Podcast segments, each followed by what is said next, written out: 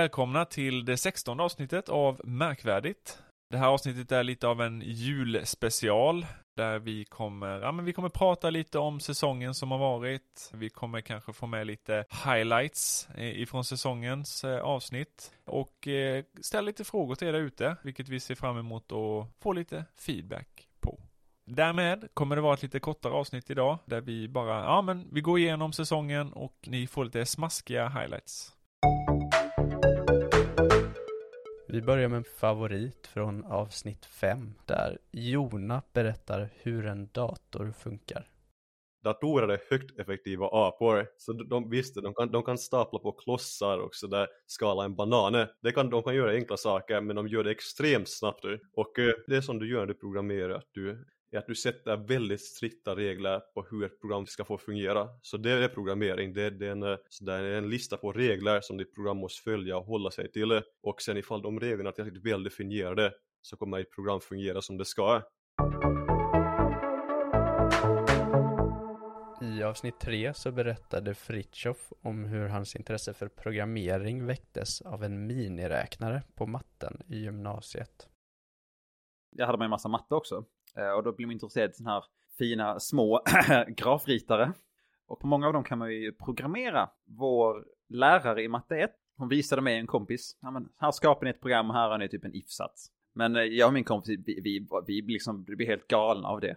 Och sen höll vi på i typ ett år och bara lekte runt på miniräknaren testade oss fram utan någon bruksanvisning eller någonting. Bara se vad vi kunde göra liksom och inser att ja, men, det, här, det här är ju bara ren logik. Det är jävligt häftigt vad jag kan skapa med det liksom. Och jag, jag, jag är rätt bra på att tänka logiskt. Och, men, det här kanske är någonting. En annan favorit är från avsnitt 11 där Emil frågade Jonny om han har några roliga berättelser från sin tid som busschaufför.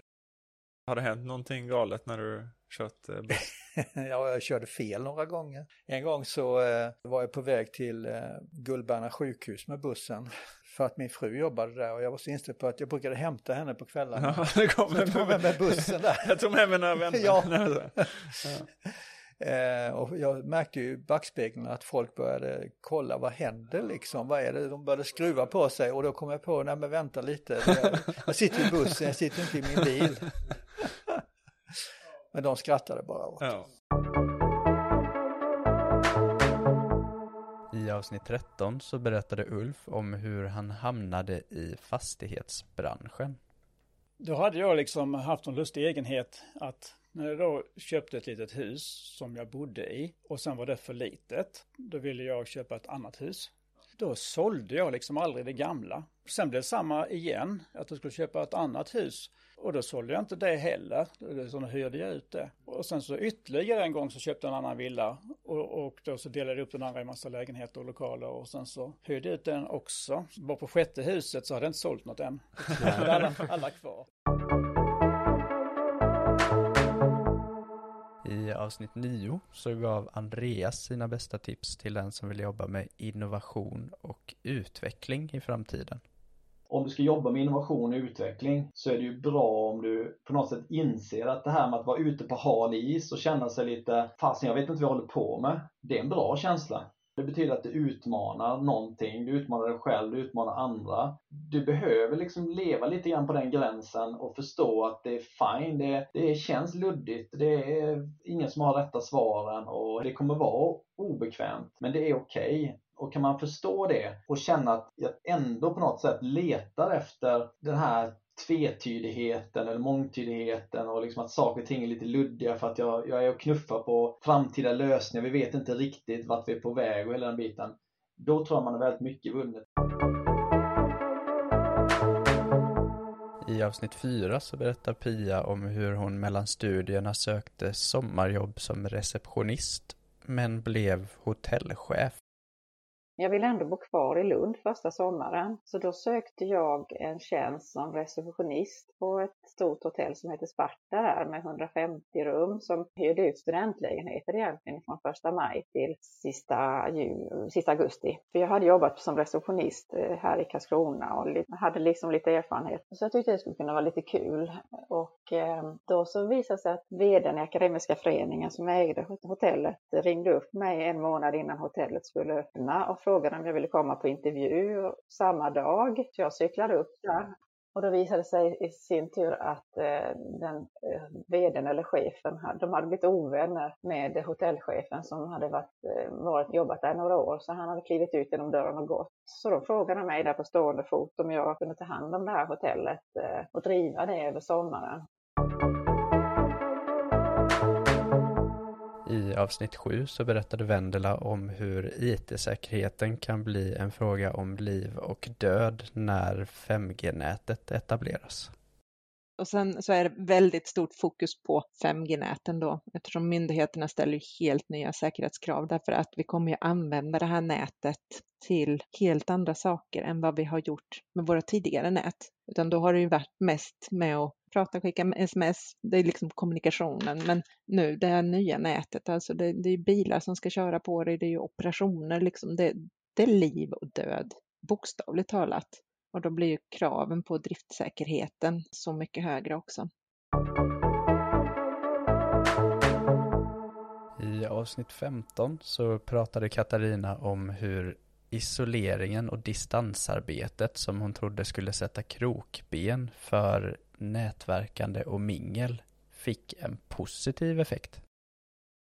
Tänkte jag kommer inte få någon näring alls och liksom vad ska jag ta min energi ifrån och vad ska jag göra nu när vi, nu när man inte kan mingla och man kan inte ha massa träffar och man kan inte då kom jag på ett koncept att jag skulle bjuda in, eh, jag bara skickade ut inbjudningar i Teams till en digitalfika med mig. till alla möjliga, även så, både befintliga medlemmar. Dels för att höra hur, hur klarar ni det här med pandemin och hur jobbar ni och vad gör ni liksom och vad, hur ser planen ut framåt? Men också för att skaffa nya företagsmedlemmar till Handelskammaren. Och det gick över förväntan för att helt plötsligt var alla vd tillgängliga för de reste ju inte så mycket längre. Och sen var de inte så vana, jag var väldigt snabb på det här. Så alla tyckte det var så häftigt att de klarade av att ha sådana här Teams-möten och sånt. Så jag hade ju massor med träffar med riktigt spännande människor och värvade faktiskt många nya medlemmar till Handelskammaren helt digitalt. Första avsnittet släpptes i februari och nu närmar vi oss snart ett år av poddens existens. Det är helt sjukt. Ja. Tiden går fort när man har roligt. Ja, verkligen. Vi har väl tänkt jättelänge egentligen, alltså flera år har vi haft tankar på att spela in podd. Sen är det ju alltid det här med, med resurser, tid och pengar liksom. Ska vi satsa på det här? Är det värt det liksom? Och det känns väldigt bra att vi slängde oss ut och faktiskt gjorde det, för vi har fått väldigt mycket bra respons från er där ute och som sagt, vi tycker själva det här är en väldigt rolig aktivitet att, att göra för er som är Die Hard-lyssnare som var med redan eh, på pilotavsnittet. Där var ju vi mer, vi var ju väldigt öppna för, ha vad ska vi göra med podden? Vi vet inte riktigt. Vi vet att, ja men, vi har ett område här inom jobb och karriär som vi hade velat prata om. Det var ju där vi, vi började liksom. Sen så gick vi över på det här med, ja men gäster liksom. Det är en väldigt härlig karaktär på hela podden när man för in ny kunskap, nya perspektiv hela tiden som det blir mm. när man tar in nya personer liksom. När man tar in nya människor så blir det ju en annan nyans, om man kan säga så. Mm. Ja, verkligen. Sen har vi ju testat det där som du sa, ja men vi, vi har topic-avsnitten. Det är väl lite en, en, trial kan man väl säga fortfarande. Lite hur vi känner över dem och eh, feedback vi får direkt men också eh, hur, hur mycket lyssningar får vi på dem liksom. För det är ju en, mm. en, ett rätt så binärt resultat där vi kan avgöra att ja men det här var nog ändå bra. Ja, precis. Och där beror det ju även på tiden vi har att tillgå mm. för att lägga in i de här avsnitten. Till skillnad från gästavsnitten där det egentligen är gästen som levererar hela innehållet mm. åt er. En ack så viktig del är att vi vill känna att vi har ett relevant innehåll varje avsnitt. När det är ett tajt schema och man ständigt ska leverera nya grejer, kanske kvaliteten på innehållet kan droppa lite för att man känner att man måste få in ett nytt avsnitt för att det ska ut till den här deadlinen. Där beror det ju också på hur mycket nyttig information eller nyttiga ämnen som vi känner att vi har att dela med oss av. Där vi också jättevarmt välkomnar tips på ämnen och sätt som vi skulle kunna tillföra till podden. Mm. Ja, ett alternativ är ju att man kör eh, topic-avsnitt när vi känner att vi har något också liksom. Att man Mm, lä- lägger absolut. upp det. Att vi känner, oh det här ämnet är viktigt nu och aktuellt liksom. Mm. Eh, vad det nu kan vara. Nej men vi hade ju ett topic-avsnitt om corona. Att, ja, men när, när sådana grejer kommer som, som man faktiskt känner att ja, men det, här, det här är viktigt att prata om liksom. Så skulle man ju kunna ha topic-avsnitt. Ja. Förutsatt att vi inte fortsätter Mm. med dem då kontinuerligt. Att vi kör varannat som vi, vi har gjort nu.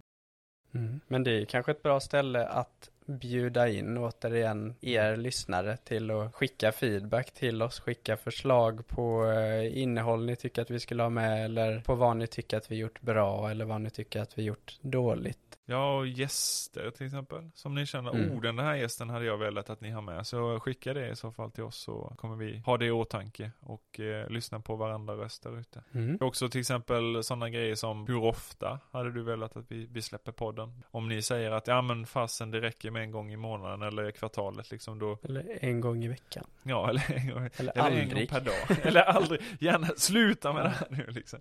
Ja, Då är det bara att slänga ett mail till markvarditpodd at gmail.com. eller så når ni oss på våra sociala kanaler, att markvarditpodd. Mm. Då tror jag vi avrundar dagens avsnitt. Vi här på Märkvärdigt. eh, Vi vill önska dig en eh, god jul. Och ett gott nytt år. Tack för att du lyssnat.